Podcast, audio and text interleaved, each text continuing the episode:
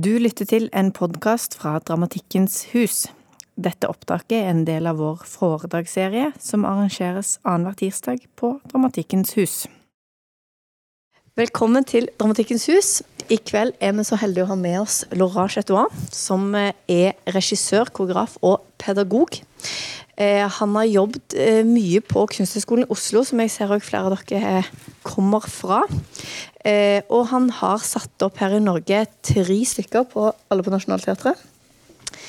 Et dukkehjem, sonetter og siste nå Misantropen, som han òg ble nominert til beste regi. Fire. Også Fire. Misantropen. Misantropen Ja, fjerde. på Torshov. Det er første Ja, ja, det er Miss Misantropen. Og siste Stundesløse. Ja. Og Stundesløse ble nominert til Hedda-pris for beste regi. Um, du skal egentlig få lov å bare take it away sjøl. Du skal snakke om Büchner. Georg. Georg. Så Georg. Georg Büchner. Büchner. Vær så god. Ja, tusen takk. Ja, det er veldig fint uh, å være her, og tusen takk for invitasjonen um, for å snakke om Georg Büchner. Jeg prøver å snakke norsk, og hvis jeg føler at uh, jeg er litt tapt uh, av og til, så jeg skifter på engelsk og kommer tilbake på norsk. Vi får se. Um, ja, jeg, jeg blir spurt å snakke om en forfatter, og jeg vet først eh, ikke fordi det er så masse klassiske forfattere jeg har satt opp. Og jeg liker egentlig klassiske tekster. Så det var Goethe, Schiller, Jelinek. Det er ikke klassisk, men stor uh, litteraturtekst. Uh, Sarah Kane, um, Seneca. Så det er masse uh, Og jeg vet ikke først hvem skal jeg snakke om. Og um, plutselig når jeg tenkte om biografien min som regissør, uh, blir det plutselig veldig tydelig at uh, jeg skal snakke om uh, Büchner, fordi uh, jeg har i biografien min um, veldig en cut, eller så en riss, jeg vet ikke på norsk riss, um, som deler uh, biografien min som regissør med før Büchner og etter Büchner. Så Büchner egentlig var litt en uh, revolusjon uh, um, i um, min jobb som regissør. Um, så jeg snakker litt uh, før til uh, Büchner. Så jeg begynte, jeg begynte egentlig med Sarah Kane, som er også viktig forfatter for meg. Det er um, som jeg snakker som regissør, forfatter som eh, forandrer en regissør, eh, og forfatter som man gjør, som er bra, men eh, ikke plutselig er en betyr en forandring i hva man gjør. Kan dere forstå hva jeg sier? Det er ok? Ja. Hvis dere ikke forstår, de kan stoppe og, og spørre meg. Og um, Sarah Kane er en slik forfatter. Det er forfatter når man jobber med dem de åpner uh, eh, i en regissør noe eh, for meg um, som er så nytt at man ikke kommer tilbake hva man gjør det før. Um, og um, jeg jobbet før Bushner med Sarah Kane, Seneca, uh, uh, Jelinek og Schiller.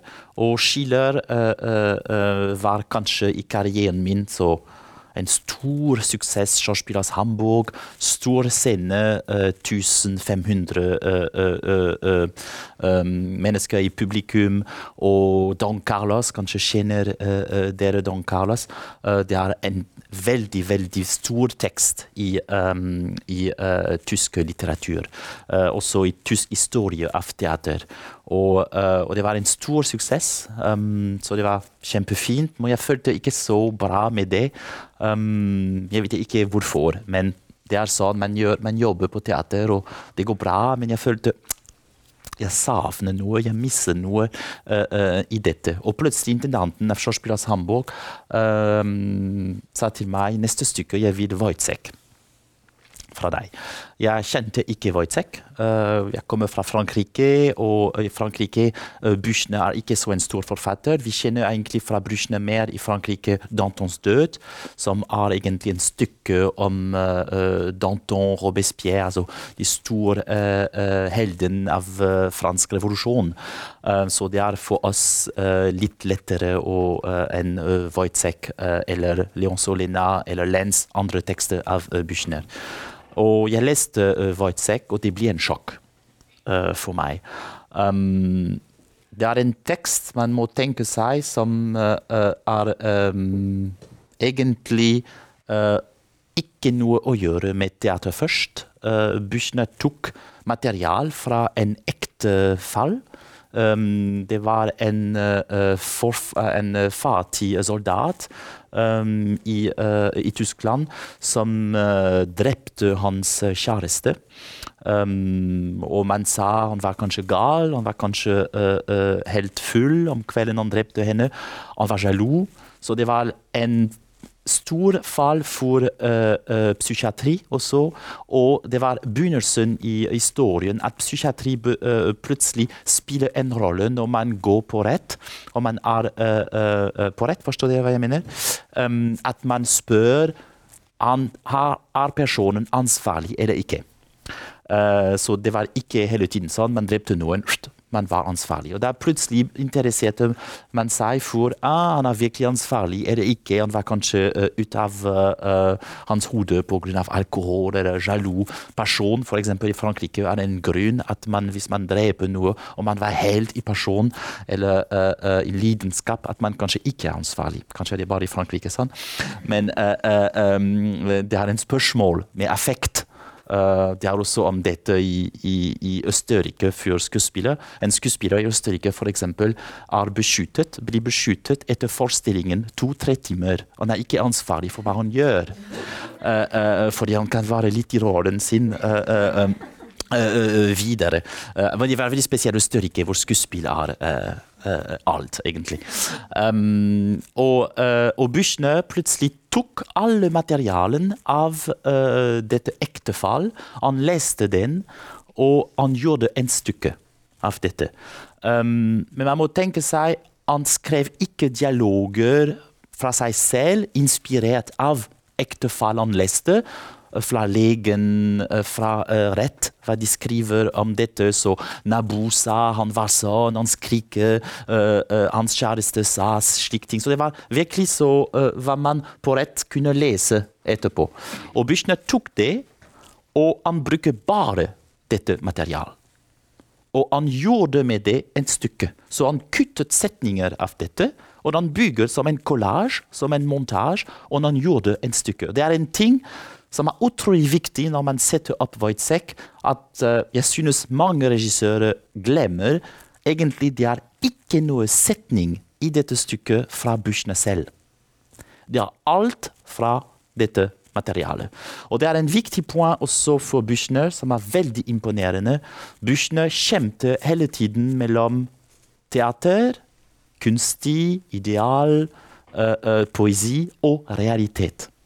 Og man kan si at Büchner egentlig kanskje hatet teater. Han hadde veldig en problem med det at teater viser ting som har ikke noe å gjøre egentlig med realitet. Og en stor spørsmål han hadde uh, med kunst, var hvordan kan vi bringe realiteten på scenen. Um, og så Büchner tok realitet. Han tok egentlig den materialet fra den ektefall, og han gjør det med det en stykke. Så egentlig hva skuespiller snakker, det er bare en komposisjon, en kunstig montasje av alt hva Buchner uh, uh, leste. Um, så det var for meg først en sjokk å lese egentlig uh, hvordan en forfatter kan komponere en tekst med material fra livet, og ikke hins, sin egen inspirasjon. Um, andre ting om uh, Wojtek. Man må tenke seg i Tyskland i begynnelsen av uh, 1900 på scenen man ser mer eller mindre bare uh, bourgeoisie. Um, det er egentlig den stand som uh, klarte å ha makt. Og um, bourgeois bjørger vil se en bjørger på scenen.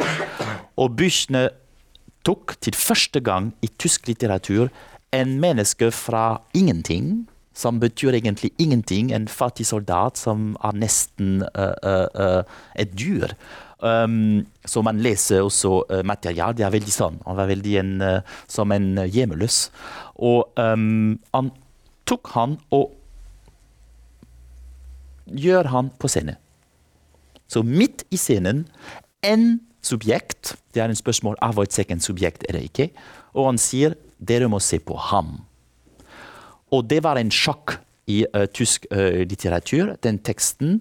Og på teater man må vente veldig langt etterpå at man uh, setter den opp. Det er først umulig å tenke seg om dette. Um, og det var for meg, når jeg prøvde å tenke hva var det egentlig for en sjokk for menneskene i den tiden å se plutselig en person som eksisterer ikke i forestillingen, som er ut av alt. Og jeg, når jeg satte opp uh, uh, teksten uh, på Schauspielers Hamburg, det var egentlig den eneste tanke jeg hadde først. Hvordan kan vi klare det å ha en slik sjokk med publikum? At publikum ser plutselig på scenen noe at de egentlig ikke vil se, eller de ikke tenker at uh, uh, det eksisterer en fattighet eller uh, armod, vi ser på, på tysk. Og, um, og, hvordan kan vi gjøre det? Så men vi jobbet med teksten, og plutselig jeg så to uker for premieren det var en gjennomgang som man gjør på teater. Man begynner å gjøre gjennomgangen, og plutselig jeg så oh, det skal bli en stor skandale. Uh, uh, men man planlegger det ikke. Man føler plutselig det er en bombe uh, på scenen. Så jeg, jeg, kan huske vi sitter på den. Og man må tenke seg Schauspielers Hamburg det er kanskje peneste teater Tysklands. det er veldig klassisk bygget. Utrolig stor scene, veldig fin. Det er litt samme arkitekt egentlig som bygget i Oslo Teater. Så det er veldig um, nærmere fra struktur. men større. Og, uh, um, og, plutselig var premiere der, og en skuespiller kom til meg etter fem minutter på scenen fordi jeg var på kantine. Jeg ville ikke se det. Um, og han kom til meg, og jeg, jeg drakk, drakk, drakk. Fordi jeg visste det, det skal bli en skandale. Uh, uh, og han kommer ned etter fem minutter og sier Laurent, de hater det. Men det var en hat. Man kan ikke tenke seg hvordan Etter to minutter de begynner å skrike og stoppe å spille, og ikke gå videre. Uh, uh, at det ikke kan bli sånn på scenen og sånn. Og skuespiller, det var en veldig berømt skuespiller, David Strizo, som var veldig berømt i Tyskland. En stor skuespiller som spilte Wojciech. Og um, de måtte stoppe å snakke hele tiden fordi det var så høyt, så masse brokk i publikum at skuespillere kunne ikke høre med seg. Så de måtte plutselig stoppe å spille, at det går ned i publikum, at de kan spille videre. Og det var høyt igjen. Så forestillingen tok egentlig 45 minutter mer enn uh, uh, det var. Um, og det var veldig sånn at plutselig jeg fikk brev etterpå fra Hamburger bourgeoisie som skrev til meg en slik fattighet ikke eksisterer i Hamburg, og de vil ikke se. på den. Så jeg tenkte vi klarte det egentlig uh, uh, med Wojtek um, å, å, gjøre det. Så man har egentlig mennesker i Wojtek som nesten ikke kan snakke.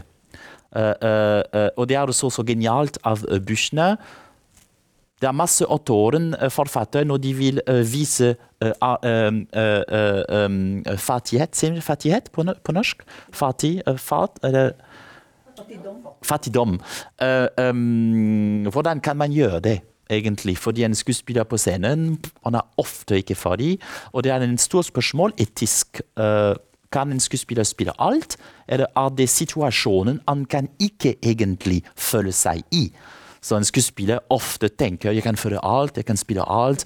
Uh, uh, litt Hollywood, man kan identifisere seg med alt. Så, og det er, hvis man virkelig tenker litt etisk, er alt mulig, Er det ikke en grense hvor man respekterer at man, man kommer ikke i, i den hva en, en menneske lider, fordi man kjenner det ikke. Um, og Büchner gjør det sånn at han gir egentlig uh, Wojciech nesten ikke ord. Han er kanskje ti ord, 15 ord i det hele stykket. At han gjentar hele tiden. Så han gjør fattigdom med veldig, veldig, veldig lite ord. Så nesten han eier ingenting. Han sier også en gang til Martin Marie, det er hans kjæreste i stykket, 'Jeg har ingenting'. Og ikke noe ord. Men han vil vise at Wojtek er stor, eh, er intelligent, selv om han er ingenting. Så Buchner egentlig gjør det at han gir uh, uh, uh, Wojciech intelligens av komposisjon. Så han er kanskje 20 år, 15 år, men han kan komponere ordene på en slik måte at han viser han tenker. Så det er utrolig intelligent å høre hvordan, hvor presis er teksten med det. Og, og, det er en setning som for meg er virkelig en revolusjon. det er en scene hvor Wojtek snakker med major. Det er en, i armé en menneske, en soldat som er litt høyere enn ham. Og han behandler Wojtek veldig dårlig. Det er en berømt scene hvor Wojtek må barbere ham.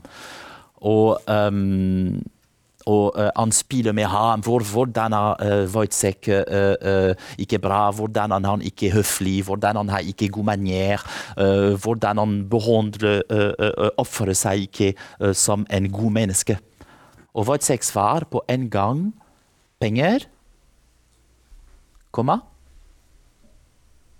penger. Det var det. Og den setningen jeg vet, jeg, jeg jobbet med det med eh, skuespillere, så jeg vet ikke hvor mange timer bare på den setningen. Men vi får egentlig den, uh, uh, de to ordene penger, komma, penger. Punkt. Og da for meg var det en sjokk når man tenker jeg hadde bare uh, uh, uh, Jeg gjorde det før Schiller, som stor teori av, uh, om uh, hvordan et menneske skal bli bedre, hvordan samfunn skal gå. Og mange stykker som forklarer med penger, samfunn og, alt. Og Büchner egentlig. Med den komma mellom de to ordene, med den liten rom mellom de to ordene at Büchner åpner, faller egentlig i dette rom alt teater. Alt moralsk stykke. Alt uh, uh, visjoner, utopisk og sånn. Alt var teater vanligvis tenker at man kan forandre mennesker, man kan forandre samfunn. Bushner gjør penger. Penger. Slutt. Og den setningen var for meg Jeg tenker Hva gjør jeg med teater? Plutselig. Hva viser jeg? Egentlig? Hva, hva krever jeg? Hva, hva, vil jeg forandre med det? Hva, hva, vil jeg påvirke egentlig når man hvor en forfatter viser oss så tydelig at realitet har egentlig å gjøre med en sling setning. Penger, penger. Så det var sånn uh, um, Man kan egentlig uh, etter en slik setning gjøre uh, forhang ned og sier til publikum kan gå hjem. Egentlig, du forstår hver point. hva er poeng. Uh, og han snakker ikke mer etterpå med Major. Så Major har masse teori i den scenen. Han har religion, Gud som modell, hvordan skal man leve bedre, eller sånn. Wojtek sier ingenting. Og den stillhet av Wojtek etter en slik setning for meg er en stor spørsmål om alt teater at man kan tenke seg. Det er også en andre så det er viktig, viktig for Büchner å, å, å, å, tenke realitet av livet imot teater, kunst. Kan det komme sammen? Kan teater egentlig påvirke på livet? Eller er det en drøm at vi ikke virkelig klarer? Um, andre ting var scenen med Marie. Marie uh, uh, er kjæresten av Wojtek. Og uh, det er uh, en scene hvor, hvor hun fikk Det er en soldat som har mer penger enn Wojtek, som prøver å få henne. Og, og unngå å danse med ham. Og Det er kjempefint som Buchner skriver. Det er ofte interpretert uh, at Marie bare sover med uh, en annen soldat. Derfor er uh, Wojtek sjalu, og han dreper um, henne. Og man leser tydelig teksten det er ikke at Mari vil bare ha uh, litt sex eller litt uh, fun uh, med en andre mann. Hun vil vise andre damene som ler av henne fordi hun er fattig, at hun kan få en pen mann. Hun vil bare gå med ham og se på de andre damene. Og det er for meg mye mer interessant og vise det. Han viser jo at hun er litt uh, seksuell, uh, hun trenger litt sex uh, med den mannen. Og der hvor det masse kritikerne hatet forestillingen min og snakket akkurat om dette. Og hun sier vi ser ikke hvordan Marie egentlig betryggen um, bedrag Wojciech. Og jeg sier, men det er, ikke, det er ingen scene i Wojciech hvor det blir skrevet at hun gjør det. Men det er interessant å se hvordan en bourgeois-teater trenger egentlig slik scene. Fordi de har en problem med bourgeoisie. Dette bedrag Nei, ja, nei. Og, og, men det er ikke en, en tema for Buchner. Buchner tenker mer sosialstand. Marie vil vise damene som er rikere, at hun kan ha en pen mann. Og, um, og, det er en veldig fin scene også i dette stykket hvor Marie ser på, på seg i en speil. Uh, og hun er ikke en full speil, det er bare en stykke av en speil. Hun har ikke penger for en full speil, så hun er bare en liten stykke. Uh, og hun ser på seg uh, i speil, og hun erkjenner at hun er lipene som er egentlig så pen at hun kan få en mann. Og Det var for meg også en, en stor setning hvor jeg tenkte ja, natur kan bli egentlig demokratisk. Denne lipene kan man ikke kjøpe med penger. Denne lipene fikk hun fra uh, uh, uh, natur, og hun erkjenner den lipene. Er, den lipen er så rød som ikke andre damer her kan ha. Så man ser med slik uh, liten uh, beskrivelse det, det, føles når man uh, leser tekster første gang, litt som litt banal. En kvinne ser på seg i speil og sier 'Å, jeg er veldig fin rød'. Men i den uh, kontekst av Buchner og Wojtek, det blir plutselig politisk så presis. Uh, uh, på en veldig intelligent måte. Og da det er en andre viktig tema for Buchner, det er natur. Kreatur. Mennesker som natur, som kreatur, som blir kastet i livet og som tror at han kan forandre historien bare med hans hode, hans prosjekt og sånn, hvor Büchner tenker nei, vi er egentlig offer av historie, men vi kan ikke virkelig påvirke på dem. Så det er en veldig pessimistisk egentlig uh, visjon uh, uh, av livet av mennesker. Vi er bare objekter, gjenstander, i hodene av historien. Men vi kan ikke ha en, um, en grep um, på den. Så det var um, vi jobbet med skuespillere sånn egentlig at når de kommer på scenen, jeg sa til dem de må, de må, de må føle seg som uh, uh, rats. Som kommer på scenen, som har ingenting å gjøre der. Så, så, man må tenke seg en stor uh, luksusscene av skuespiller Hamburg, og plutselig skuespillere som kommer på scenen som føler alt for stor for seg. Uh, og de kommer fra, de kommer fra uh, Portal litt sånn Se på det, spilte litt, nesten at man ikke hører det, og gikk vekk. Og føler veldig så Alt var for stor for Wojtek, og, og, og, og publikum ikke tok den som en uh, proposisjon, som en måte å vare foran den, men bare som en provokasjon, at man ikke var spire uh, for den. Men hvordan kan bli Wojtek høy? Uh, hvordan kan vise Wojtek seg? Han har ikke forestilling av seg selv. Han er en uh, fattig uh, mann. Han vet ikke hvordan han står på scenen. Uh, um, så det var bare en, en, en spill om den grensen. Um, og så sterk og så negativ for publikum at jeg kom på scenen for, uh, etter premiere, nei, min, i premieren, og plutselig sto opp 1500 mennesker foran meg, og alle skriken på meg. Så det kan jeg ikke glemme i livet mitt. Uh, uh, men virkelig bo! Og alt sammen. Min ekskjæreste som var i publikum i den, på premieren, han sa til meg jeg kunne ikke høre ingenting hva skuespillere sier, fordi det var så høyt i publikum. Eh, hele tiden. Og det var, det var, interessant. Det var en kritiker fra um, Hamburger Abendblatt, som avisen av Hamburg, som forstørte meg så sterkt etter premieren. Og i Hamburg det er avisen som for publikum er viktig.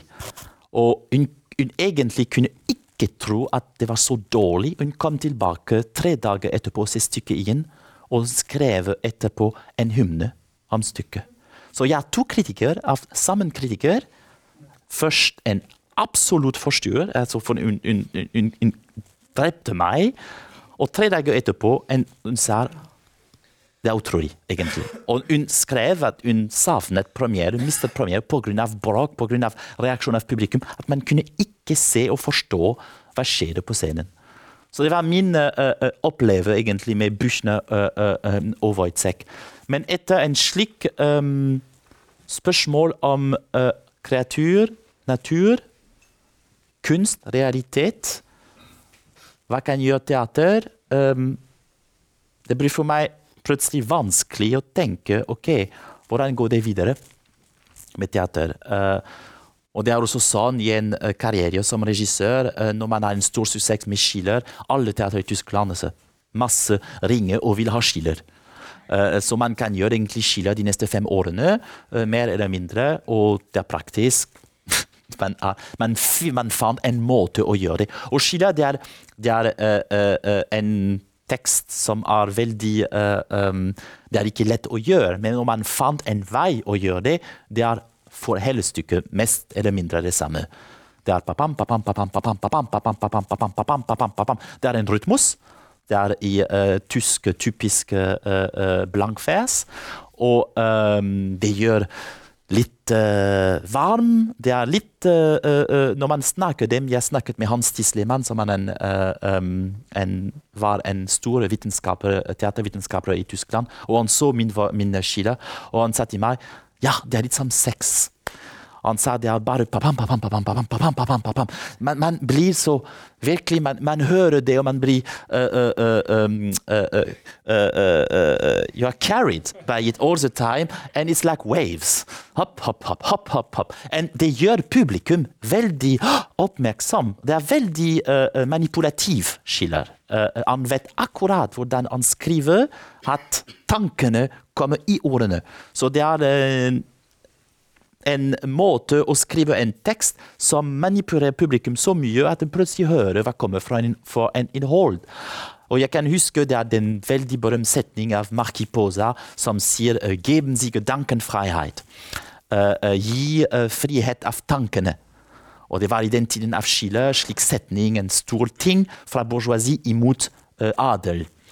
Og det er for tysk publikum veldig bevisst, kanskje ikke mer noen ny generasjon, men eldre generasjon. Så når de hører den setningen Helt Tyskland føler seg uh, uh, i publikum Ja, det er uh, egentlig halvhumanismus forstår seg i slik setningen. Og jeg sa til, Det var en spiller jeg sa til, David Strizo spilte også Marki von Posa. Og jeg sa til ham vi kan ha bygget den setningen at når du sier det, det er scenen applaus. Og det klarte litt som en opera. David vi bygget at han sier setning, han går på, uh, på kni som en fall, og som reaksjon av dette publikum står opp og gjør det sånn. Og vi hadde det hver scene, hver forestilling, det klarte at hele publikum uh, står opp. Og man ser virkelig da hvordan kan man manipulere publikum. Uh, uh, Schiller og oss, litt som regissør og skuespiller, hvordan man gjør det, at man går med. Og jeg tenkte så, og etterpå man gjør Buchner, som kommer og sier til meg, sa en tekst. Hva vil du med kunst? Hva, hva, gjør du da? Og det var for meg en, en, en, en sjokk. Uh, uh, jeg var uh, under prøven, det var ikke lett. Jeg ble veldig deprimert også under prøven. Og plutselig realiserer jeg at det, det, spør meg mye. det er også en veldig berømt setning av Buchner som han skrev i hans um, dagens uh, bok, uh, eller til brev til venner, eller også i Dantons død, hvor han sier uh, menneskene går på teater, de kan plutselig bli berørt av en skuespiller som snakker i vers, eller fra en marionett på scenen som plutselig synger litt lyd. men når de går på vei, en sirent menneske som ligger der, de føler ingenting. Det er en setning av, av uh, og man plutselig tenker hva er poesi? Hva er poeng med det? Hva, hva, hva vil egentlig hvordan, Hva er målet med den stedet her? Vil det ikke påvirke når vi kommer ut? Um, så jeg vet i det hele tatt ikke hva jeg skal gjøre etterpå. Um, og plutselig jeg møter Fabian Hinrichs. Jeg ser navn fordi han var veldig, veldig viktig for meg i biografien min. Veldig berømt skuespiller nå som jobber masse med Polesh nå i Folksbundet. Og han så min Wojtek, og han ble så uh, uh, imponert. at han spurte meg vi, jeg vil gjøre noe med deg. Så jeg vet i det hele ikke hva jeg skal gjøre. Jeg vet Han kom på meg, jeg var etter premieren, og jeg blir så uh, hatet av publikum. Jeg drakk vodka, jeg var helt tapt. Uh, uh, og han kom på meg 'Hallo, jeg er Fabian Inrich.' Jeg jeg vet ikke snakke nå. Jeg vil jobbe med deg. Så. Men to uker, tre uker etterpå, vi møtes og vi snakker sammen, og plutselig jeg hører Lens i, i hodet mitt. Lens er den andre tekst av Buchner. Fordi når jeg jobbet med uh, Wojtek, jeg leste alle uh, tekstene av Buchner. Han skrev ikke så mye fordi han døde når han var uh, 24 gammel. Uh, veldig, ung, uh, veldig ung. Han døde egentlig Han var også medisiner. legen. Han studerte den. Og når han i anatomiklass Han åpnet en fisk, og den var ikke fersk, og han fikk en infeksjon og han døde uh, der. Men det var interessant at uh, man må lese teksten av Büchner, hvordan han skriver til hans kjæreste når han åpner uh, fisken. Han ser henne i den narven av fisken. Han ser henne i naturen. Han ser henne i den, i den kjøtt, i den flesh of the fish. He sees his love to her. det er fantastisk tekst. Så man ser igjen her ideal og natur, kreatur, uh, uh, ned på jorden, ikke uh, der. Så um, jeg hadde lest alle tekstene av Büchner, og Lens er en novelle, de har ikke en teaterstykke. Um, og det handler om Lens, som er en, egentlig en, um, en tysk forfatter, og Büchner en gang til man tenker Büchner uh, uh, skrev Lenz alene. Mer enn 60 av teksten er ikke fra ham. Så en gang til antar uh, teksten av Lenz selv. Antar teksten Lenz var en forfatter som uh, var veldig deprimert, psykisk litt instabil. Og det var også en, en prister som passet på ham. Og prister skrev masse teksten hvordan Lenz i dag var høy Jan og sånn. Så Buchner leste den tekstene. og han bruker den igjen. Så han gjør en material som er en blanding mellom sin egen poesi og realen, fakten uh, av livet. Og når jeg snakker med Fabian uh, Fabian er en skuespiller som er veldig impulsiv. Uh, for ham scene er realitet. Fabian spiller ikke karakter. Um, eller man vet ikke helt hvor er karakter, eller hvor er uh, skuespiller. Um, så det er ikke som en skuespiller som spiller nå, nå er jeg, jeg er uh, privat, nå er jeg rollen. For Fabian, man vet ikke hvor er grensen. Så det er litt som Lens. Lens som er så ustabil, man vet ikke uh, hvor han har. Og når jeg snakket med Fabian, jeg tenkte wow, jeg hørte Lens hele tiden, så jeg sa ok, en god måte for meg å gjøre teater videre først, fordi jeg ble så sjokkert av Buchner, er å gjøre Buchner igjen. Så jeg spurte ham, og han sa ja, jeg, jeg, jeg ringte Stromberg i skuespiller i Hamburg, og jeg sa til ham uh, ja, vi møttes med Fabian, vi vil gjøre det nå, vi har ikke teater, hva skal jeg gjøre? Og Tom en veldig, var en veldig uh, gøy intendant. Han kunne reagere utrolig spontant. Han sa til meg det er ikke en budsjettpenger, uh, fordi det er midt i uh, spillplan. Uh, ok, jeg gir til dere så mange penger. Det var ikke mye, det var litt at vi kunne bo i Hamburg og sånn. Og dere får en prøverom, og man gjør forestilling i prøverom, og det gjør hva dere vil der. Så vi var to måneder med Fabian dag og natt på prøverom, og vi jobbet med Lens. Um, Lens av Büchner det er en tekst som blir skrevet uh, på den uh, um, uh, Ikke på jeg eller du, men bare han. Han. Av og til jeg, men det er han. Så man føler distansen av Büchner imot karakteren. Og, og, det er prosa. Det er en novelle. Um, og det var kjempefint å jobbe med den teksten for å sondere grensen mellom rolle og skuespiller. Hva er real, hva er politisk spilt? Og det er tema av teksten selv. Så for meg det var så fint å se hvordan realiteten, skuespillet som er foran oss, som ikke er bare en figur, plutselig uh, um, skifter med karakter, med rollen, med kunst. Så det var ennå en tema av, av Büchner som interesserte meg. Og Fabian er akkurat uh, um, um, på den grensen. Og Det er utrolig interessant å se hva skjer med en skuespiller som er på en scene, som plutselig sier 'han', og snakker om uh, uh, past tense. Så det begynner teksten jeg tror han gikk på fjellet. Det er begynnelsen, mer eller mindre. Uh, middagen uh, uh, 15. januar. Jena. og han gikk. Og det, var, det, er kjempefint å se hvordan en skuespiller står på scenen. Jeg var alene, så man kan tenke ok, han, er, han forteller om han, eller han er den karakter. Og Fabian som sier om seg selv foran dere han. Så det blir plutselig, plutselig litt uh, uh, uh, spøkelse. Man tenker så han snakker om seg selv som han. Han er en forfatter, eller han har en figur. Og, og, og det var veldig interessant, for hva det åpner for et realrom for oss. At han bare sier 'han', som snakker ikke om seg selv. Så det gjør en distans mellom skuespiller og figur som kreerer en veldig realt rom uh, uh, uh, på scenen. Det var så realt, det er bare en litt um, ja, en spøk, men uh, uh, vi prøverommet på Schauspielers Hamburg var på 15 etasje, og det var stort uh, vindu. Det var kjempefint rom egentlig for dette stykket. Så man spilte med dageslys, og det gikk litt ned dageslys, og man gikk parallelt med teaterlys og uh, korrigere at det blir litt nok lys i rommet. Og Fabian sa til meg en dag, det er typisk Fabian, han sa fordi det er en scene i teksten hvor Lens kaster seg gjennom vinduet. Og Fabian sa til meg jeg vil, jeg vil springe gjennom vinduet. Fabian kan ikke gjøre det. Uh, uh, uh, og Fabian er en skuespiller som spiller immer med grensen av teater.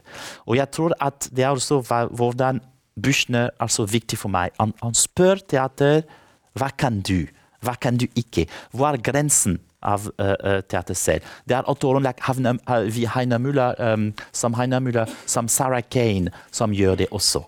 Uh, Schiller gjør det ikke. Goethe gjør det ikke. Goethe er genial, men uh, Goethe vet om formen, om rammen av teater. Han går kanskje litt til rammen, men teater må bli. Og det er interessant å, å, å se hvordan uh, um, Büchner spør den realitet av teater. Og jeg sa ok, Fabian, hvordan kan, hvordan kan vi gjøre det? At du kaster deg gjennom vinduet. Så jeg snakket med Stromberg og med teknisk direktør som ville ikke. Så vi bygget en stor konstruksjon. Uh, uh, uh, vindu. Det er litt sikkerhetsting at man bygger når man bygger en Forstår jeg mener? Så vi bygger det stort nok at Fabian kan falle. Og vi gjorde en, en gym-ting når, når, man faller. Det er litt myk. Og ja, Det er utrolig å se plutselig en skuespiller som står i vinduet for alle, uh, alle femte etasje fra en skuespiller og la seg falle i luften. Og det var plutselig en grense med realitet hvor teater plutselig Hva gjør han? Og i publikum, det var hver gang, selv om man tenker han dreper seg ikke. Hver gang. At man på en scene ikke kan få slik uh, grense. Og veldig morsomt var når han kom tilbake gjennom vinduet. Han, han sa på oss, og han var egentlig helt trist at han kunne ikke fikk drepe seg. At han må komme tilbake for å spille. Det er egentlig en point så publikum er veldig berørt. Å se hvordan han kommer i rommet, og han plutselig legger seg på gulvet og, og sover. Um, og det var uh, det er interessant at jeg møtte Fabian med Büchner, som har også en grense som er uh, litt uh, uh, Ja, som spiller med grensen også um, av um, teater. Morsom var også i kritikk i Hamburg at etter skandalen av Wojtek at de alle skriver og herregud, han gjør enda en Buchner. For det var direkte etterpå. Det var tre måneder etterpå. Var det ikke nok? Uh, uh, uh, så vi hadde nesten ikke noen kritikere som ville se det. For det var, litt, det var bare to. En fra Tats, som var med en links-venstre-avisen, som skrev en stor hymne om den solo, og en lokal liten avisen av Hamburg. Men alle andre sier vi kom ikke. Det var nok med Wojtek. Um, interessant at Wojtek har ennå i kritikkene historien en, uh, en eksempel. Jeg kan uh, Siste år uh, Karstoffes gjorde en stykke i Stuttgart. Og det var en kritiker av Stuttgart som skrev Det var helt dårlig, den Karstoff-premiere. jeg kan bare huske en slik dårlig ting. Wojciech av Chetouan i Hamburg. Og Wojciech Chetouan i Hamburg er egentlig 2005. Og det er 2015 at de ennå snakker om det. Så jeg, jeg leste ikke avisen i Stuttgart, men det er en dramaturg av Stuttgart som sendte til meg kritikk. Se, se de snakker ennå om dette som en uh, uh, ting at de ikke uh, um, kan glemme. Så det var egentlig to stykker. Uh, Bushne skrev to andre stykker. Um, Egentlig Buchner er kanskje den eneste uh, uh, forfatter med Heiner Müller og Sarah Kane at jeg kunne gjøre alle stykker de skrev. Um, det er Dantons død, um, og så etterpå Leon Solena. Og uh, interessant med Dantons død Schauspielhaus Köln spurte meg å gjøre Danton. Um, Dantons død det er en gang til hvor Büchner ikke står bare på teater. Han interesserte seg for fransk revolusjon.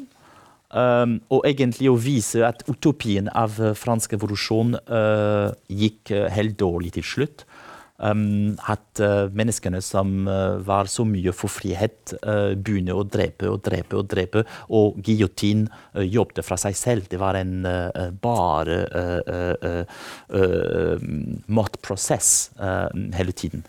Og um, den um, Bushner tok egentlig ekte samtalene av denne store uh, uh, revolusjonen uh, mennesker i Frankrike, og fra arkiv. Og han tok det, og han skrev en stykke. Så en gang til ikke en material som han skriver seg selv, men han bruker ekte material, og han transformerer det.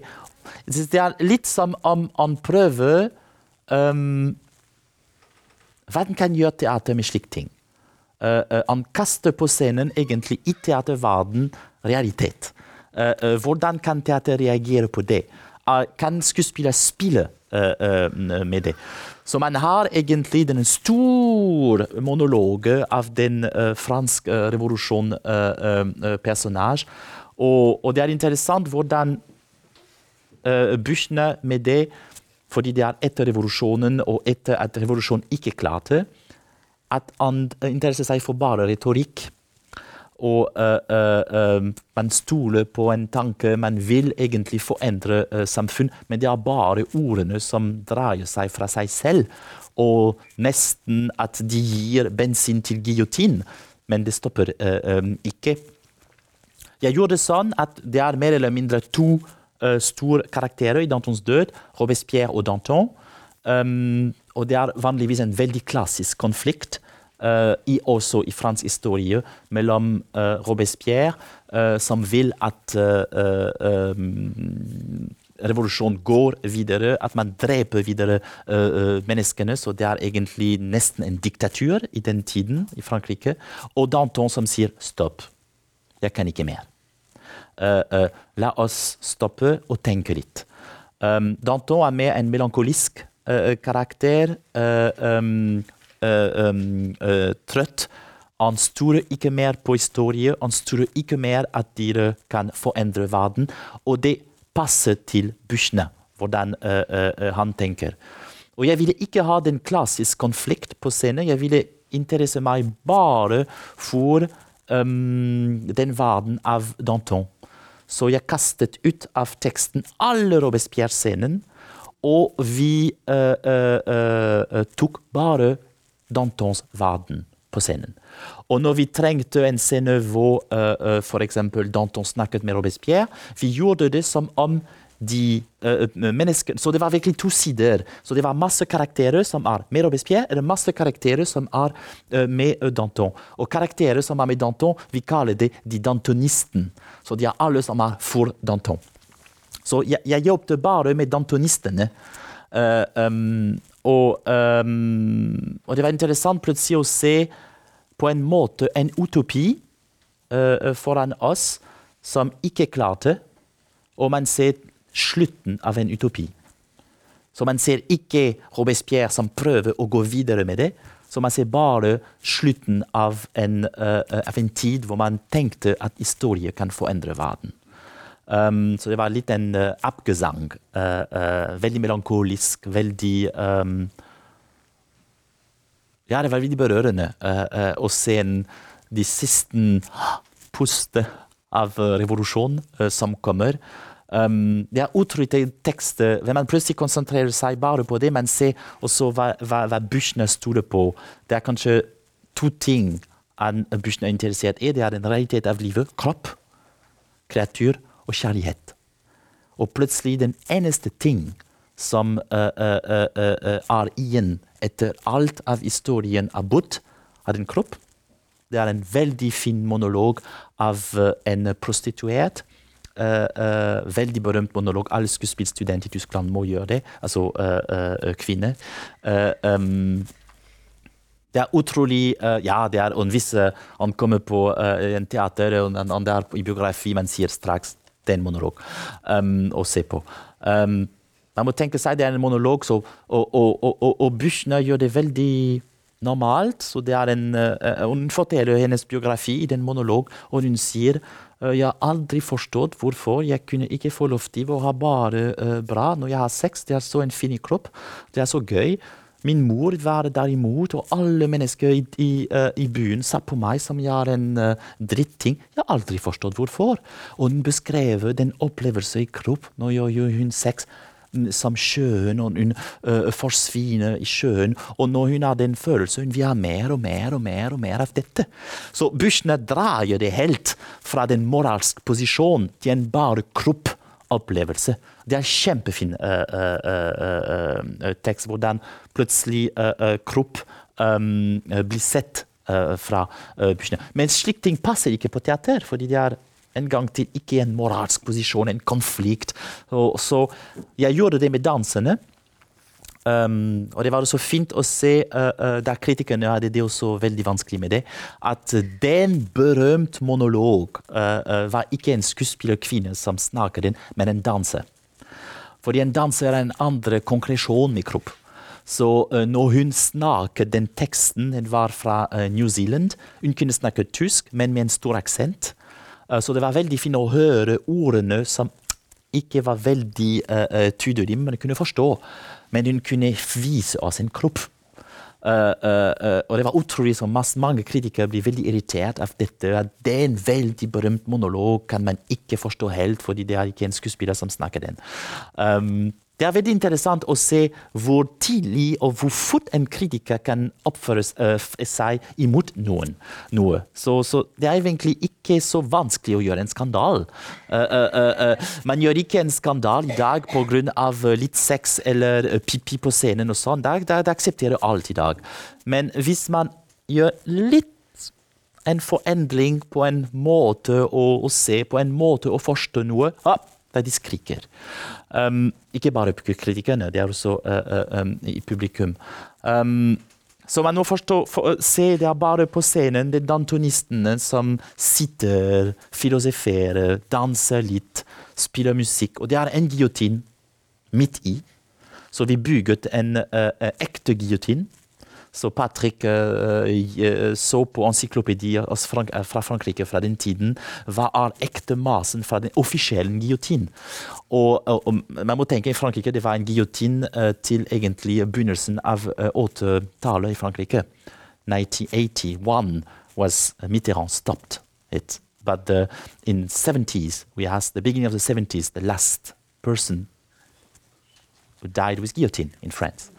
Så uh, det er en gjenstand for Frankrike. Tyskland ikke mer, men for meg som er Og det var virkelig utrolig sterk å se på en uh, tom scene, bare en giljotin midt i, og dantonisten som er om giljotinen og danser og spiller og springer på uh, uh, uh, og spiller hele tiden med død, Vit at de på slutt at de går der. Minutter, siste minutter eller 45 minutter eller en time av forestillingen for å live, for å snakke før det stopper. Og forestillingen stoppet egentlig med giljotin som gikk ned.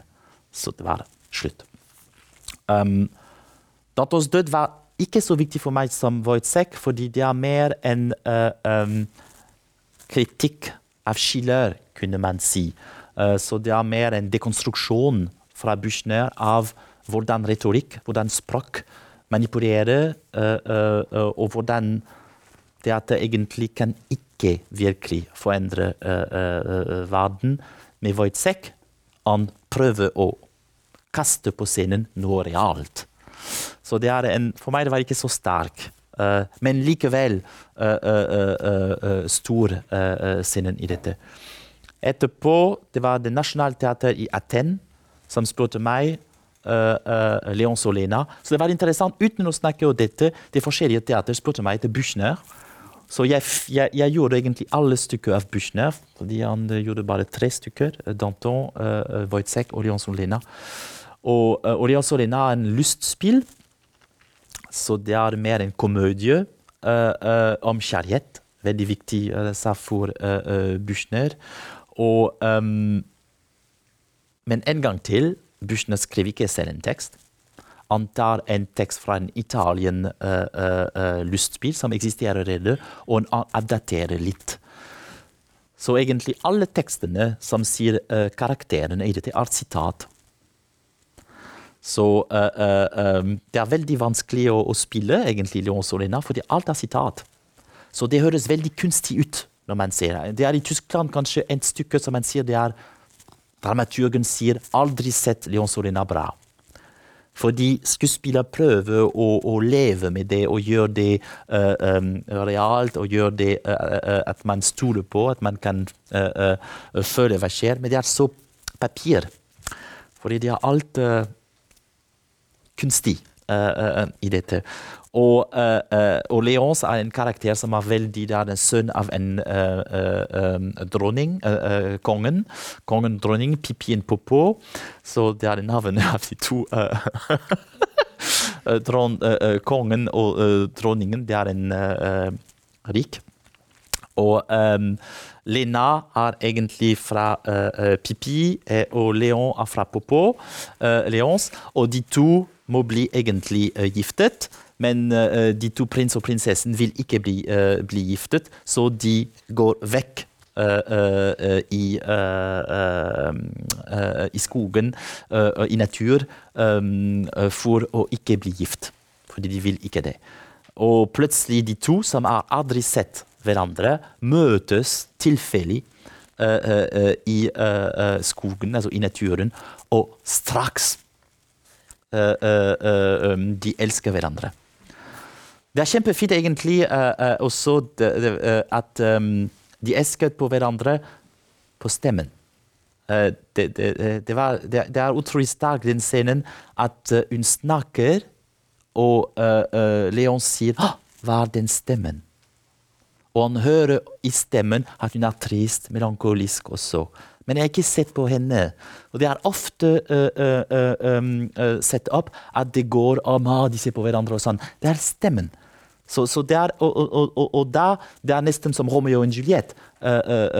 Romeo og Juliette egentlig første gang når de møtes, de ser ikke på hverandre fordi de har masken. I den ballscenen, berømte ballscenen. så man kan spørre seg men hvordan de forelsker seg egentlig. For de har bare en maske. Så men det ser man uh, sjelden på teater slik uh, um, nuansen. Uh, at det er ikke ja, jeg ser på deg, og jeg elsker deg, og jeg gjør masken. Oh, oh, du ser så pent. Nei, nei, nei. De ser gjennom en maske, og de spør hvem er du Så de føler det på nå bare å høre. Um, og de to den elsker hverandre, og de vil gifte seg. Så um, de kommer tilbake og uh, til uh, uh, kongdom. Og de sier til kongen de blir egentlig De, for, de forskjuller seg etter en, en klar sånn, som ser ut som automaten. Så de er litt som roboter. Og kong Popo sier ah, ok, min sønn er ikke mer der likevel, så vi kan gifte dem. og de sier at det er min sønn, og de kommer hverandre. Så, så, så Buchner ler egentlig om den tradisjonelle lystspill, hvor det er tilfeldig og sånn. Så han gjør så masse uh, tilfellssituasjon i dette, så det blir egentlig latterlig uh, om dette. Men uh, det er interessant at til slutt når plutselig de, uh, uh, kongen sier at uh, um, de to som giftet seg, er egentlig hans sønn, og prinsessen han vil ha De to som prøvde å gå gjennom um, skiksal, hvordan ser du på, på norsk? Ja, At til slutt egentlig de møter igjen hva, hva blir bestemt. Så en gang til Bushner stoler ikke på mennesker som vil ha sin vei. Han sier det er noe større som bestemmer oss. Så på en uh, lystig måte uh, i dette stykket, men likevel til slutt alle friheten, alle hva de tenker. Jeg fant min kjæreste på meg selv. Det passer straks til dem var egentlig faren hans uh, ville ha. Så det var en, På Nationaltheatret i, i Hellas. Det var kjempefint å gjøre, fordi det var helt krisen i Hellas. Det var begynnelsen av krisen. Um, og uh, man hadde en energi av uh, um, i landet som var veldig uh, anarkist. Litt imot Europa, imot regjeringen. Eh, det var ikke rett for min eh, stage designer som var tysk. Han hadde veldig dårlig tid uh, der, fordi de, de, visste ham veldig at de var imot Merkel. Men skuespillerne hadde så en slik anarkienergi, så en revolusjonenergi, så det passet kjempebra til stykket. Og, og, det var bare unge mennesker, og det var utrolig sterkt hvordan de kunne ta den ordene, den lyst av å gå vekk fra her, som en energi å spille. Og, det er interessant å se plutselig nå en kontekst, kontekst i en landet passer uh, uh, uh, hvor mye energi kan komme på scenen som man ikke setter opp. Som er egentlig um, i den konteksten av landet nå. Um, og Büchner uh, med en gang uh, kan åpne fordi han skriver egentlig fra, for en ung generasjon som stoler på endring og sånn, som vil, uh, er imot. Büchner selv i livet hans um, blir egentlig um, nesten kastet i fengsel for hans politiske engasjement, fordi han var for imot um, hva skjedde i Tyskland i den tiden. Og og man ser av hvordan en ung generasjon kan virkelig føre energien uh, um, i dette. Jeg tror det er nok først. Kanskje uh, dere har spørsmål, og jeg, snakker uh, videre likevel. jeg jeg lurer på, jeg husker ikke om du sa det spesifikt, men linken mellom Bichner og Kane, for du snakka også om Sarah Kane. Kunne du sagt litt om hvordan du ser det? Ja, uh, Kane uh, tror jeg um, trodde ikke mer at verden kan bli bedre. Hun drepte seg. Og hun sa Altså, man kan se uh, hvordan hun drepte seg, Sarah Kane, som en um, depresjon det er hans, eh, hennes eh, far sa, etter, sa etterpå. Fordi man sier ja, ja, hun var deprimert. Og det er lett å si hun var deprimert, derfor drepte han seg for oss som lever i en Det er roligere. Men uh, han sa nei, hun var deprimert og en kunstner. Uh, og det er kunstner som drepte seg. Um, og jeg tror at uh, det er også en andre Bushna, uh, uh, så Kane jeg tror døde med 30. Og uh, Bushna, det er som, nesten som han vite at han ikke lever lang. Han skrev hele tiden uten, uh, under uh, trykk og fot, og han var alltid på vei, måtte forskjule seg. det, var, det er ikke ro i hans uh, teksten. Og det er det jo også uh, på Kane. Det er en um, Dere må skrive. Dere må si imot verden. Det går ikke sånn. Begge to. Og ikke som en stil, ikke som en politisk mening, som man litt skriver og sånn. Dere må Det er en må i den teksten at man uh, ikke uh, har ofte. Um, det er interessant at Sarah Kane ville skrive en ny versjon av Leon Solena. Um, men teater som uh, um, gikk henne den uh, oppdragen, uh, endre ting. Så hun måtte skrive en ny versjon av Fedra. Så hun skrev egentlig Fedra's Love. det er et stykke av Sarah Kane. og ikke, men det er for meg en, um, en parallell. Og så og Kane stoler bare kanskje på én siste ting, var kjærlighet. Sarah Kane sier uten kjærlighet, drep meg. I alle stykker. alle stykker av Sarah Kane det er uh, siste at hun uh, krever. Men på en negativ, på en negativ vei. Sarah Kane er så hard, er uh, zerstørerisk, hun forstyrrer for mye og åpner tilbake kjærlighet. Ikke fordi hun hater mennesker, men hun vil nesten provosere i publikum love. But love from the negative perspective. Uh, not of love, but of what we can do to a human being. That we have a reaction against it. Så det er nesten uh, uh, behandler meg dårlig til jeg føler kjærlighet igjen. Fordi for henne var kjærlighet ikke nok i verden mellom hverandre. Og Buchner hadde det også. Uh, uh, Buchner kjærlighet er uh, tema som hele tiden Man har nesten følelse det er siste han stolet på. Det er eneste i livet. Det er utrolig scener i Dantons død mellom Danton og Camille og alle sammen. De har alle en kjæreste eller to eller tre. Det er veldig åpent der. Og, men hvordan de snakker sammen og man ser også den store revolusjonære mennesket som er helt annerledes når de snakker med en kjæreste deres. De er utrolig plutselig nesten tapt. Det er en kjempefin scene. Jeg elsker den scenen i Dantons død, hvor uh, uh, Camille snakker. Det er en ung revolusjonær, og han er uh, en utopi, og han vil at man går tilbake og sier Robespierre vi stopper nå, vi, vi stoler på revolusjonen igjen.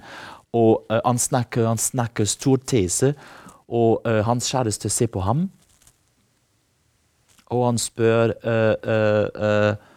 ja, du, du hører på meg, og hun sier ja. Og han sier Og du forstår hva jeg sier? Og hun sier nei. Men du er så pen når du snakker. Og da uh, uh, uh, Det har Büchner. Ordene Det er noe annet som snakker, som er der. Etter i, bak, i bak av den utopien og sånn. Men du er så pen. Jeg, jeg elsker det å se på deg når du snakker Å se på deg når du snakker. Eh, ja, jeg lurte på eh, hvordan du kan høre liksom den forfatterstemmen til Büchner gjennom alle stykkene, når du sier at han eh, egentlig ikke har skrevet noen av dem selv, men satt dem sammen. Ja. Og tidligere i den workshopen som vi har med deg nå, ja. så har du snakket om det at hos gode dramatikere så hører du både dialogen, og så hører ja. du en sånn forfatterstemme under. Og da lurer jeg på hvor ja. er den hos han? Ja, jeg tror bei Buchner det er uh, komposisjon.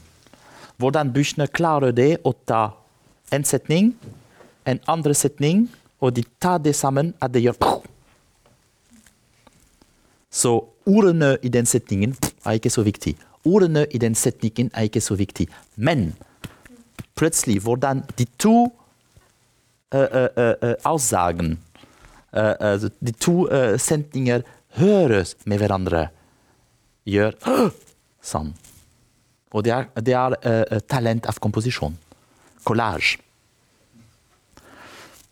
Så point er ikke ordene selv, er hvordan monterer du ordene dine.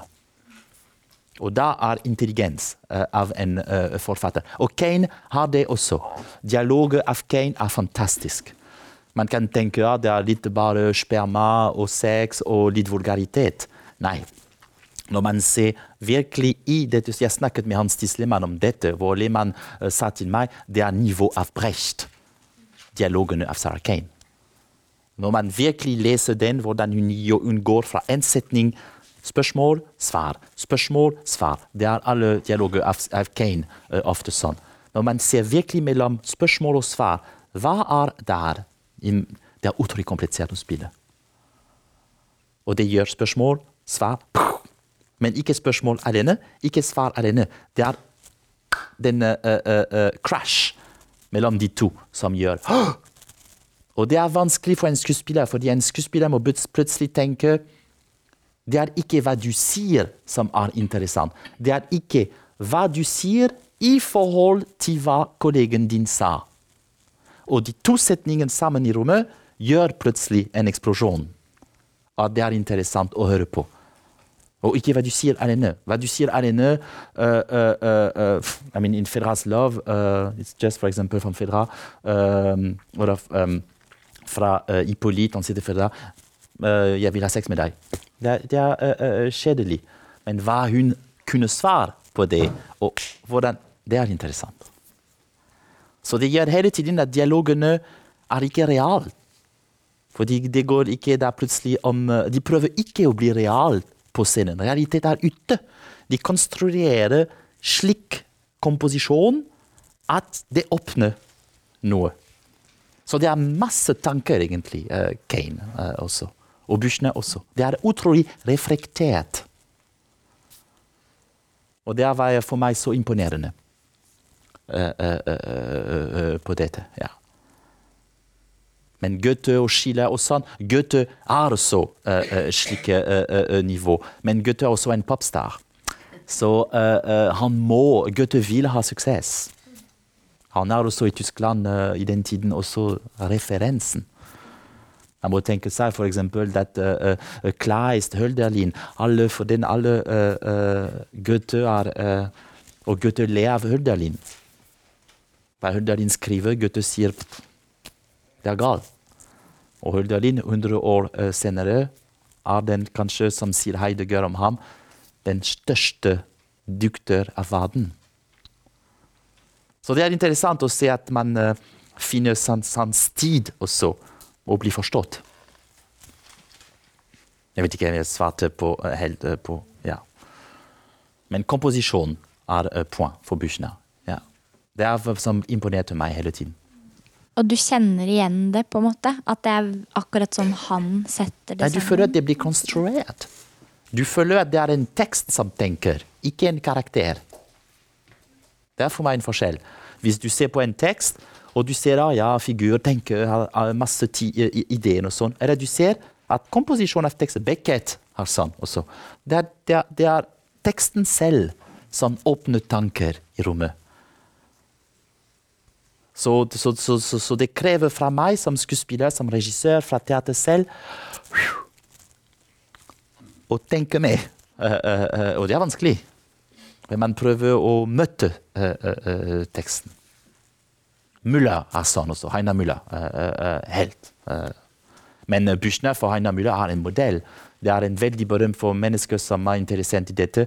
Dere kan lese uh, den uh, når Müller fikk uh, Buchner-pris, som er en veldig veldig viktig pris i uh, Tyskland for litteratur. Han fikk Buchner-pris, og det er en veldig stor samtale av Müller om Buchner når han fikk Buchner-pris. Og han snakker om uh, uh, politisk situasjon av Büchner, og hvordan han skrev uten trykk hele tiden. Og det er en veldig uh, utrolig setning av ham at Büchner egentlig fikk fra Parsen. Parsen er de, um, guttin av tukt. Um, han fikk fra Parsen for, altså, en talent å se i fortid nei, um, fremtid, historien, men han kan ikke slutte øynene. Det blir fra Gud av dykt. Feståpent, og hva han sier. Han gjør sånn med hånden pga. hva han sier, og de skriver teksten. Det er bilde av Heiner Müller om Buchner. Det er oh. Tenk deg! Huh? Men han skriver teksten med hva han sier, som kommer på ham. Veldig berømte uh, uh, prisrede. Ja. En eller annen Her er jeg. En eller annen sa Jeg tror kanskje det var Picasso som sa en, en god kunstner kopierer, et geni stjeler. Hva tror du Bischner tenkte om opphavsretten? Der må du spørre ham. Men hva tror du? Uh, uh, hva han tenker? Mhm. Nei, jeg vet ikke hva han tenker. Kan, uh, um, Tenkte Nei, han kopierer ikke, han stjeler. Uh, men jeg sier han bruker. Han tar, han bruker igjen. Så han uh, uh, Det er kanskje på en måte han Ja, han bruker. Men jeg vet ikke om han stjeler, fordi teksten fra det kommer fra, eksisterer videre. Det, det forsvinner ikke. Det er ikke som man tar teksten av revolusjonær, og plutselig de, de er borte. De er stilt der. Uh, du kan likevel lese den. Først i hva jeg mener? Så derfor, men, men hva Picasso sier med at man stjeler noe, er litt Du stjeler det ikke. Du bruker den, du tar den, um, men det går ikke bort. Eller kanskje for Picasso det passer også. Det blir så større hva Picasso gjør, at det forskjuler hva egentlig var originalt. Så da det er kanskje stjele. Ja. Jeg, nei, jeg lurte Hvor, hvor bokstavelig mener du det egentlig? Bokstave? Bo, nei, hvor bokstavelig hvor Altså at alt er på en måte sampla. Uh, for at i, i, i Wojciech så er det jo for eksempel, så er det jo den historien om månen og sangen der. Altså Det er så for, mange forskjellige sjangre, så det er jo ikke bare avskrift fra ting som har blitt sagt. Jo, men selv uh, de lyder eller sang, det er fra den tiden, som Ja, er fra folk. Men det er ikke fra bussene selv. Nei, men og, det sa, og i Leon Solena Husker du hvordan dette italienske da, original, hvordan det stykket var? For at, mener, replikk for replikk så er jo de veldig ladet og veldig gode. Fra uh, uh, I Leon Solena. Ja, altså, men han foredrer det, Bushne. Men utsagnene er jo så, Det, det er inspirasjon. Det er ikke bare uh, at han tok alt fra den, men han tok det som inspirasjon og transformerte det litt. Men uh, det er egentlig inspirasjon fra den italienske uh, stykket. ja, ja, men inspirasjon er ikke det samme som at man, at man klipper og limer. Ja, ja, altså, jeg vet ikke mer hvilken tekst uh, det er fra italiensk, men jeg hadde, når jeg forberedte uh, uh, Leon Solina, det var en litteraturvitenskaper som sammenlikner begge to, og det er veldig imponerende å se egentlig hvordan Så det er eksempel i en monolog eller sånn, det er kanskje som sier at jeg er melankolisk, eller sånn, og Bushner gjør det litt på en annen måte, men det er en kopi også uh, uh, uh, der. Men det blir helt annerledes, en andre kvalitet, fordi han, han, han gir i dette noe som gjør det genialt, som ikke har original i den situasjonen.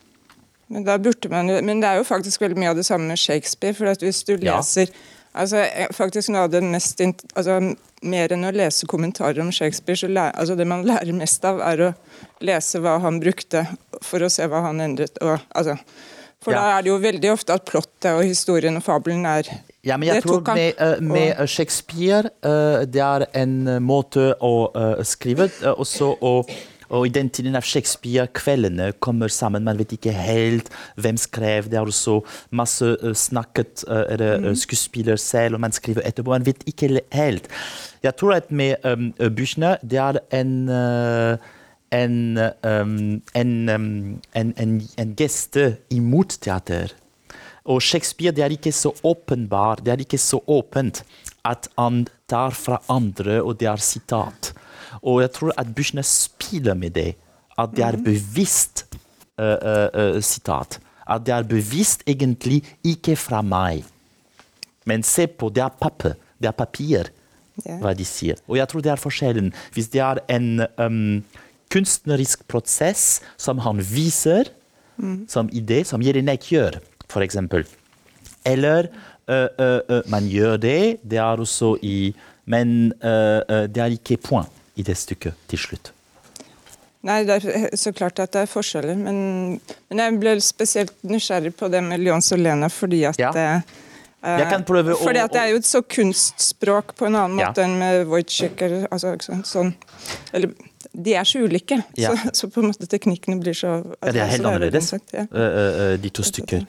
Men eh, jeg kan prøve å, uh, å finne tilbake hvor det er den litteraturvitenskapelige som gjør det, og sende deg. Ja. Fordi det er veldig Når man ser det, det er litt en sjokk, egentlig. Så man tenker hva er en forfatter, hva er en geni og sånn.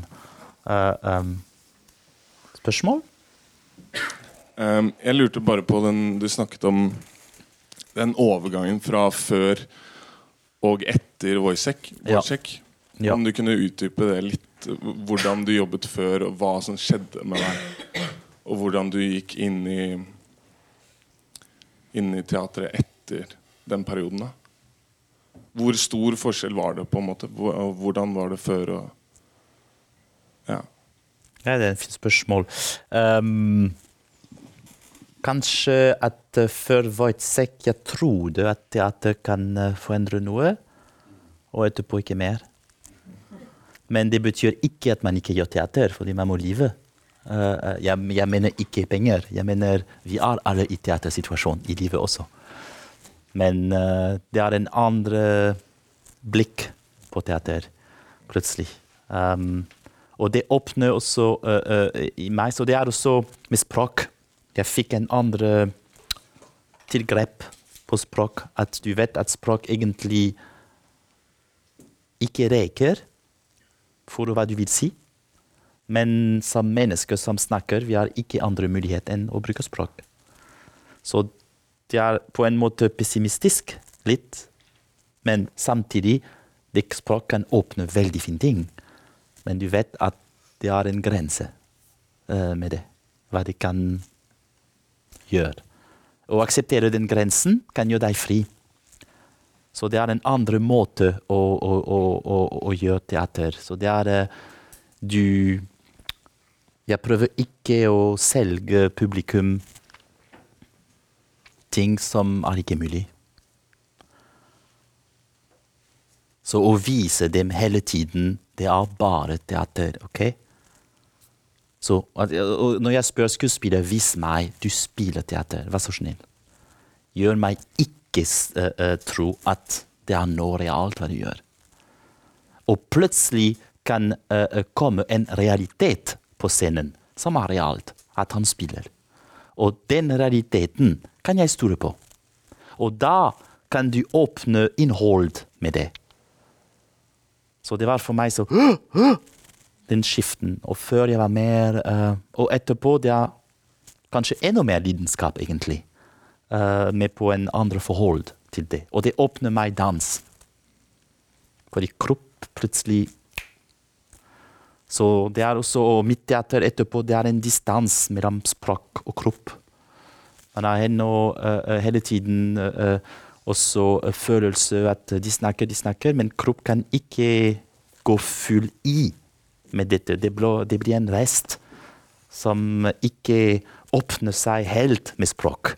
Så kropp er plutselig noe som forstyrrer, som man ikke Kropp kan ikke åpne seg i en diskurs full. Og da dans uh, uh, uh, parallelt til teater hjelper meg mye å, å, å se bare kropp. Og når jeg kommer til skuespillere, det er utrolig fint å, å spille med den distansen mellom hva de sier, og egentlig hva kropp uh, gjør. Det. Og, man, og av skuespillere lærer på skuespillskolen at det blir én. Hva de sier og kropp, det blir én. Det er en karakter. Men det er en drøm. Det er ikke raritet. Og man kunne egentlig lære skuespillere fra begynnelsen. Det er to forskjellige ting som er bygget sammen og ses som om det er én, men det er ikke én. Men nei, man lærer, man lærer, lærer at uh, uh, det må bare se ut som om det er helt enig. Alt. Og det er for meg en problem, fordi det er første lyve, egentlig. At man forteller uh, uh, skuespillstudent. ja.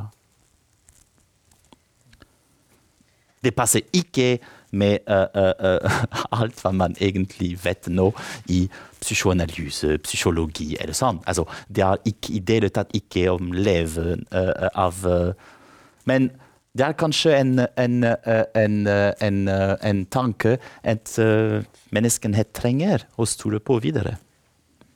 At men det er rolig også å tenke sånn. Å ah, ja, det, alt passer sammen. Så kanskje derfor trenger man det sånn på scenen også.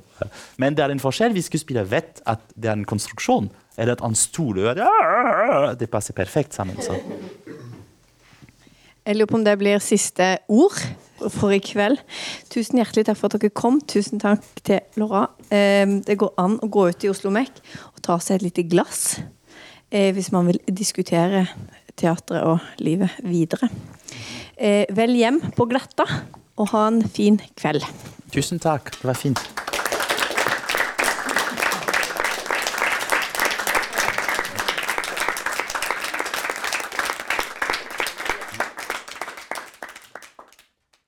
Du har nå hørt en podkast fra Dramatikkens hus. Har du lyst til å høre disse foredragene live? Sjekk ut våre hjemmesider dramatikkenshus.no.